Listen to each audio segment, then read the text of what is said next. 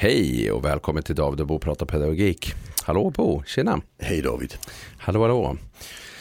Du, eh, vi får ju eh, eh, då och då och nu igen här då eh, fråga om eh, eh, något vi ska prata om i podden och nu gällde det det här med våldsamma barn. Ja. Eller elever. Precis, och, och, personen som skrev till oss skrev att uh, det verkar som att det inte går att göra så mycket. Ja. Vad, finns det, vad finns det för forskning hur vi förhåller oss kring de riktigt våldsamma Just det. situationerna? Och, och det, det, finns ju inte så mycket forskning. Det gjordes en uh, forskningsgenomgång som Andy McDonald gjorde. Han tittade på alla de här olika metoderna för att hantera extremt våld. Och, och det är många metoder som har ett, en tre, fyra artiklar skrivna eh, som visar på hyfsat bra evidens. Men det är ingen som står ut och säger att den här är det mer forskningsstöd kring. Nej. Så kan vi säga det. Men så, det, så vi snackar om att det finns kanske 20-25 forskningsartiklar överhuvudtaget som har tittat lite på det. Mm.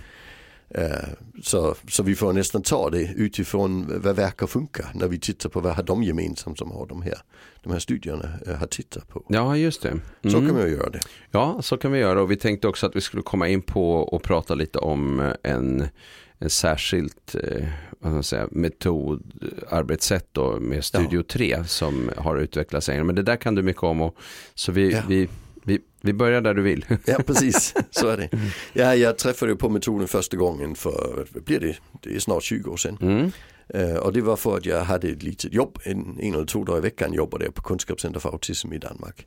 Uh, och det jag gjorde där det var att jag var ansvarig för, vad ska vi säga, den vetenskapliga delen det var liksom mitt, mitt jobb ja. under en period på några år. För han som egentligen hade fulltidsjobbet, han var ute med eh, i Bhutan och bygga upp specialpedagogiska verksamheter åt, mm -hmm.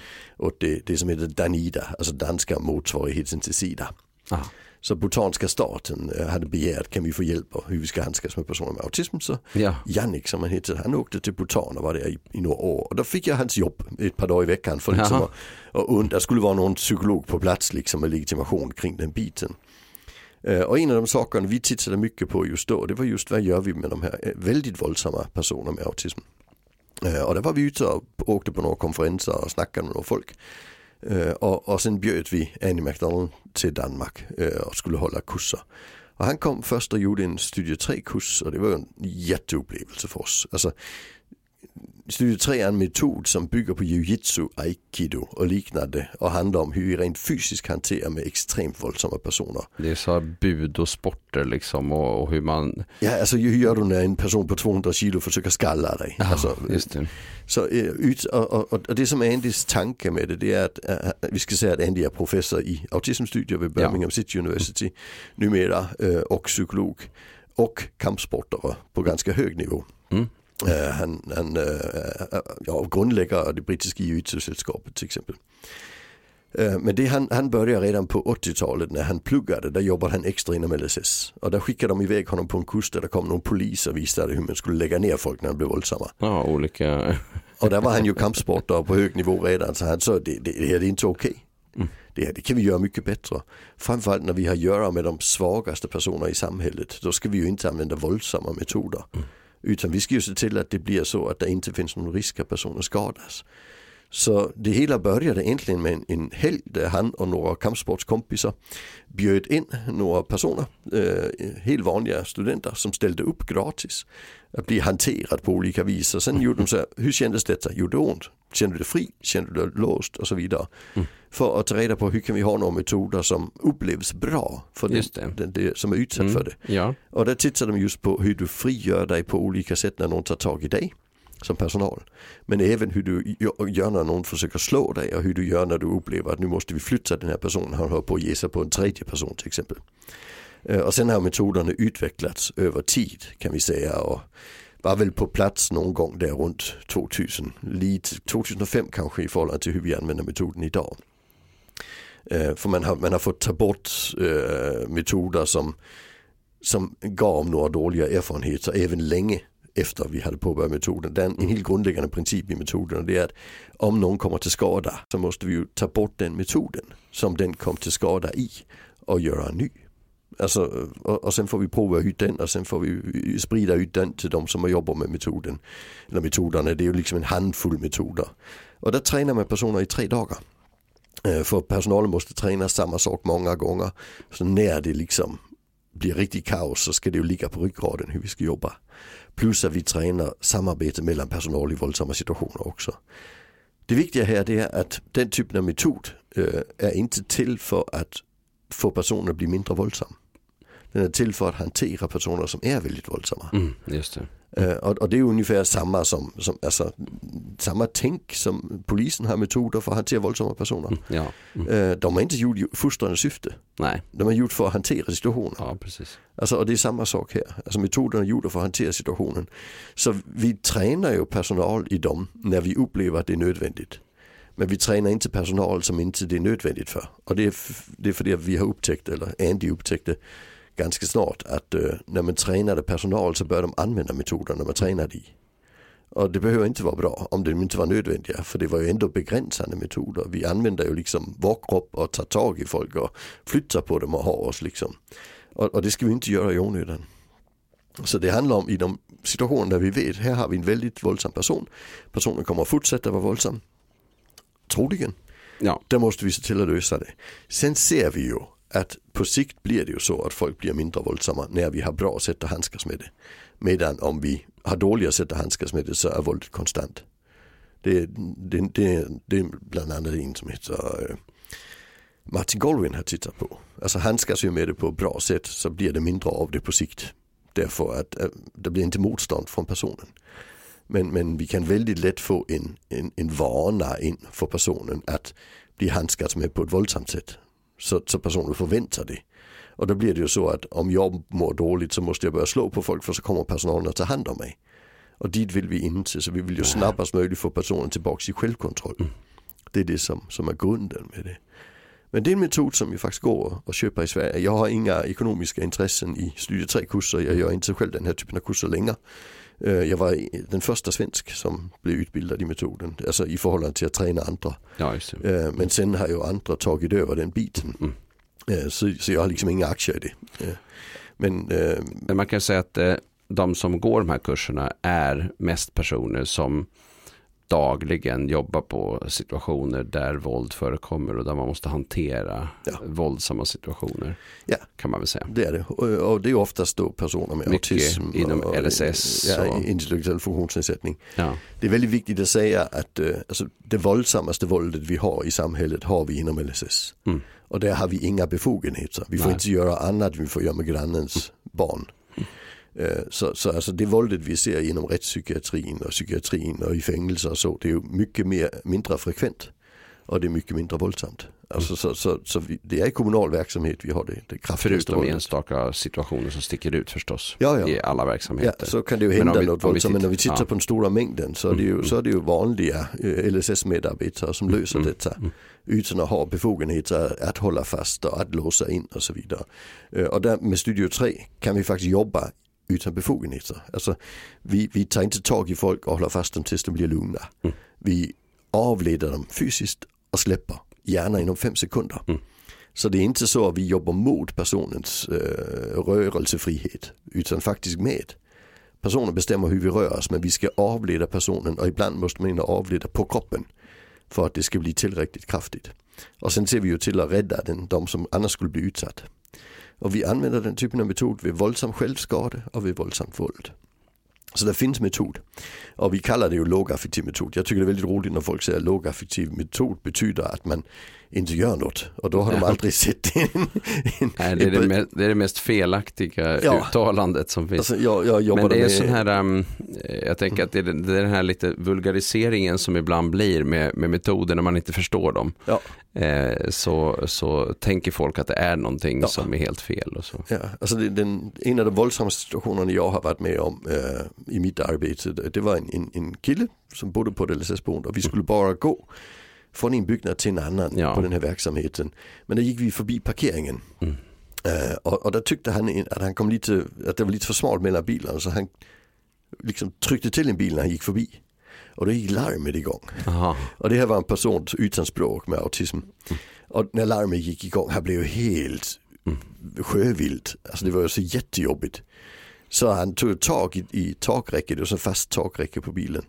Och börja alltså, skaka bilen fram och tillbaka för att få tyst på den eller vad han, av frustration. Och det, och det gjorde den ju inte, han fick den liksom så till slut så välte han den på sidan. Oh, en, hela alltså, bilen? Ja, ja, det var jättevåldsamt. uh, och, och där, går vi, där låter vi ju honom, honom inte bara stå där tills batteriet tar slut på bilen. För att skydda honom måste vi få honom därifrån så vi kan få bilen att så småningom sluta larma. För vi hade inte nyckeln till bilen, det var liksom bara någon som jobbar i något av husen runt omkring liksom. Så vi fick ju ta tag i honom så han fick, fick honom att släppa bilen och sen fick vi liksom få honom att börja gå. Och, och, det gör vi genom att när han försöker ta sig bort från oss så går vi med honom istället. Alltså inte, när, när, alltså, när han går, alltså, men vi har tagit hans arm, båda hans armar så inte han kan, och så, man, man håller på att sätta inte han kan skalla. På ett särskilt sätt ja. Ja precis, mm. som man har tränat i. Och sen rycker vi lite i honom och då rycker han ju emot. Och då vänder vi och går med honom istället. Mm. Uh, och, och, då får vi honom flytta 3-4 meter innan han kommer på oss. Och sen gör han emot där. Sen vänder vi och sen tjoff tjoff tjoff. Sen är vi ju 10 meter bort. Mm. Mm. Och, och, och, då kan vi liksom släppa honom och sen kan vi liksom få in honom och sen blir det lugnt liksom. Men i den typen av situation måste vi också ha metod. Ja, det Men, där är metod. Ja, och, och det viktiga är att säga att det, det måste ju vara på ett sätt så inte det är risk att han skadas. Mm, nej, just det, precis. Alltså, det, och, det, det får inte vara... att ni undviker att bli skadad också. Ja, ja, men det, det är sekundärt i sammanhangen. Mm. Alltså för är det så att han inte blir skadad, ingen risk för oss heller. Mm, uh, men, men, men, men vi har metoder där, där som är gjorda utan det, att man tänker vi ska se till att han inte blir skadad. Och när vi använder dem så ser vi att personal blir skadad i lika hög utsträckning som, som personer vi jobbar med, även om man har fokus på personalens säkerhet det funkar liksom inte, det forskningen lägger till Silvester till Ja, därför så är de här metod, de här eh, strategierna blir viktiga om man jobbar i väldigt, väldigt våldsamma miljöer. Mm. Eh, det här blir det är ett sätt, fråga. Ja, det blir ett sätt att eh, skydda också personalen. Ja, precis. Mm. Så är det. Och där, där, där, är lite olika metoder som har ungefär samma grund. Det är en som heter CARM som kommer från Skottland. Som också är, är, bra. Alltså, och det finns lite olika och, och jag jobbar som sagt med Studio 3 men, mm. men det finns fler. Det finns metoder som är utvecklade primärt inom demensvård. Eh, där, där, har vi en, en svensk metod. Bland annat, eh, fast där har man lagt till något med förflyttning så jag brukar inte rekommendera dem för vi får inte förflytta folk. mm. Alltså vi, vi, får, vi får bara hantera det som är svårt men om man börjar använda metoden varje gång vi ska förflytta någon, det blir inte riktigt bra. Nej, det är ju en skillnad mot för den situation som ja. du beskrev när det verkligen Precis. var en krissituation. Ja. Och Inte en vanlig ju, förflyttning vilken som helst. Nej, det är ju en nödsituation och mm. vi har ju vi har allihopa befogenheter inom nödvärn. Men det gäller att se till att vi inte använder den utanför nödvärnet. Så mm. uh, och den här metoden med Studio 3 så håller du dig utanför nödvärnet även när det är nödvändigt. Alltså det, det, det, det är tanken i alla fall, för vi går inte emot personens vilja. Det, det är liksom det. Men, men det är viktigt. Men det finns som sagt metod.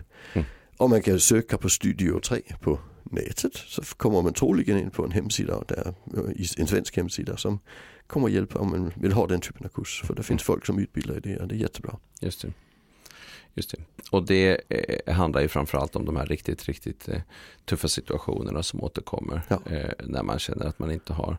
Man kommer dock ganska långt med en hel del våldsamma situationer i förskola, skola till exempel. Ja, ja.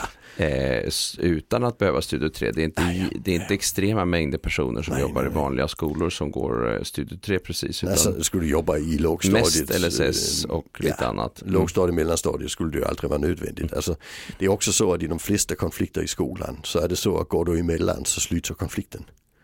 Alltså det, det, är så, det är klart man ska ingripa. Alltså när barn slår på varandra ska man inte stå och titta på. Ja, det där är också en sån här missuppfattning ja. som finns ibland. Att folk tror att det är en passiv strategi, att man bara står och tittar på. Det är, det är ju inte så det är, nej, det är nej, tänkt.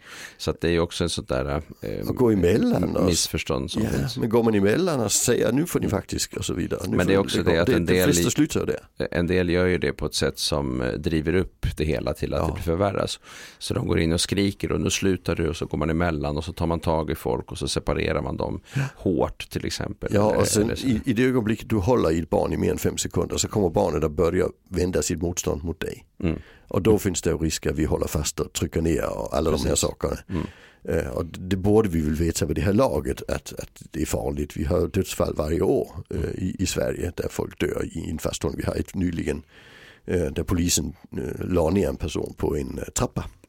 Man låg på, liksom på översta, det var inte steget, men låg där trappan började uppifrån med huvudet ut över kanten. Och det gick ju inte, det är inte många sekunder innan man dör i den positionen när, när man hålls ner för man kan inte andas. Nej. huvudet kommer att läkra ner än resten av kroppen. Liksom. Så det, det är ett ganska nyligen dödsfall. Och vi har, äh, ja, jag läste lite i tidningen häromdagen att, att det blir ju två väktare, eller det är de inte, de är mm. ordningsvakter i tunnelbanan i Stockholm precis. som kommer åtalas för vållande död. Ja, precis. precis. samma typ av situation. Samma typ ja. ja.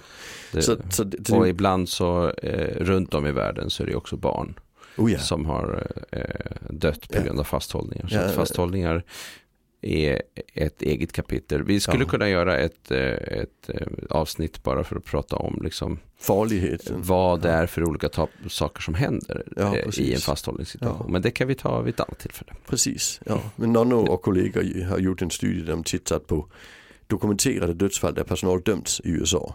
Barn, där det är skola eller, ja. eller HVB. Och där man ju, sen 93 är det 79 barn fram till 2020 man har följt. Mm. Så det är ganska, det är ganska skrämmande. Mm. Att det, det, är farligt på riktigt. Och det är därför i skolsituationen när du går emellan så gå emellan men ta, in, ta inte tag mer än fem sekunder och släpp. För är det så att du, barnet börjar vända sig mot dig så finns det risk att du inte kan komma ur situationen utan att en kollega får gå emellan dig och eleven. Och där kan vi få sådana så det blir helt galet. Utan gå in lägg, få, det, få stopp på det snabbt. Är, ni, är det två barn som slåss, var två personer så ni har fokus på var sitt barn. Mm. Få det över snabbt liksom. Så, och då behöver vi ingen särskild metod. Så länge vi inte håller fast. Mm. Mm. Så kan vi säga. Mm. Just det. Använd, inom jujitsun och det kommer ju principerna här. Det är använd personens egen rörelse. Istället mm. för att hålla emot så rör du dig med barnet och bara, alltså, om han vill slå på någon ja men du följer med halva vägen och sen rycker du armen lite åt sidan så han inte träffar. Alltså det, det är liksom, vi använder hans egen rörelse istället för att hålla emot. För då förbränner vi adrenalin. Och det andra det är om någon tar tag i dig, slappna av i den muskel personen tar tag i för då är det svårt att hålla fast. Mm. Då kommer du loss utan problem. Mm. Det är liksom de grundläggande praktiska principerna. Just det. Ja. Så det finns något att göra. Ja. Du som har mejlat oss, absolut. Men uh, det behöver vara, man behöver träna, man behöver vara insatt, man behöver lära sig. Uh, det är ju här det är extra viktigt tycker jag, för här är det ju farligt på riktigt. Så, så ja, när det är sådana riktigt, riktigt våldsamma situationer. Ja, där ska vi vara professionella och det gör vi genom att ha en metod vi tränar i. Mm. Det är ingenting man bara kan få veta av sin chef. Från och med nu så ska ni, nej, nej, nej. Här ska vi träna, vi ska träna i flera dagar. Vi ska upprätthålla kompetensen, det är viktigt. Mm. Ja, tack för, för det. Tack Tom. Tack. Hej. Hej.